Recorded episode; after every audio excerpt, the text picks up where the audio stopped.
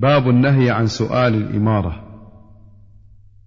واختيار ترك الولايات إذا لم يتعين عليه أو تدع حاجة إليه. قال الله تعالى تلك الدار الآخرة نجعلها للذين لا يريدون علوا في الأرض ولا فسادا والعاقبة للمتقين.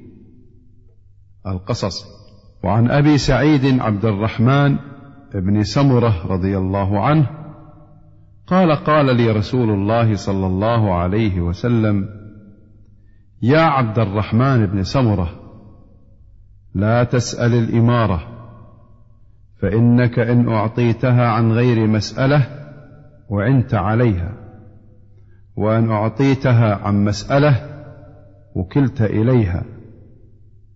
وإذا حلفت على يمين فرأيت غيرها خيرا منها فأت الذي هو خير وكفر عن يمينك. متفق عليه.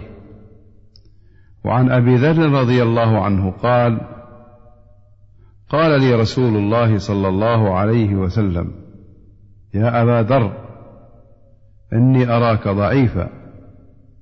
وإني أحب لك ما أحب لنفسي. لا تأمرن على اثنين ولا تولين مال يتيم. رواه مسلم. وعنه قال قلت يا رسول الله ألا تستعملني؟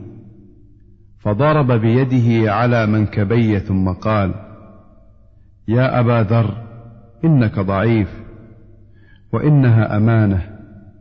وإنها يوم القيامة خزي وندامة إلا من أخذها بحقها وأدى الذي عليه فيها. رواه مسلم.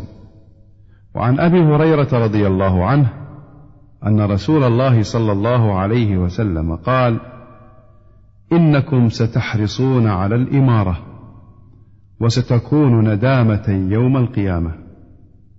رواه البخاري.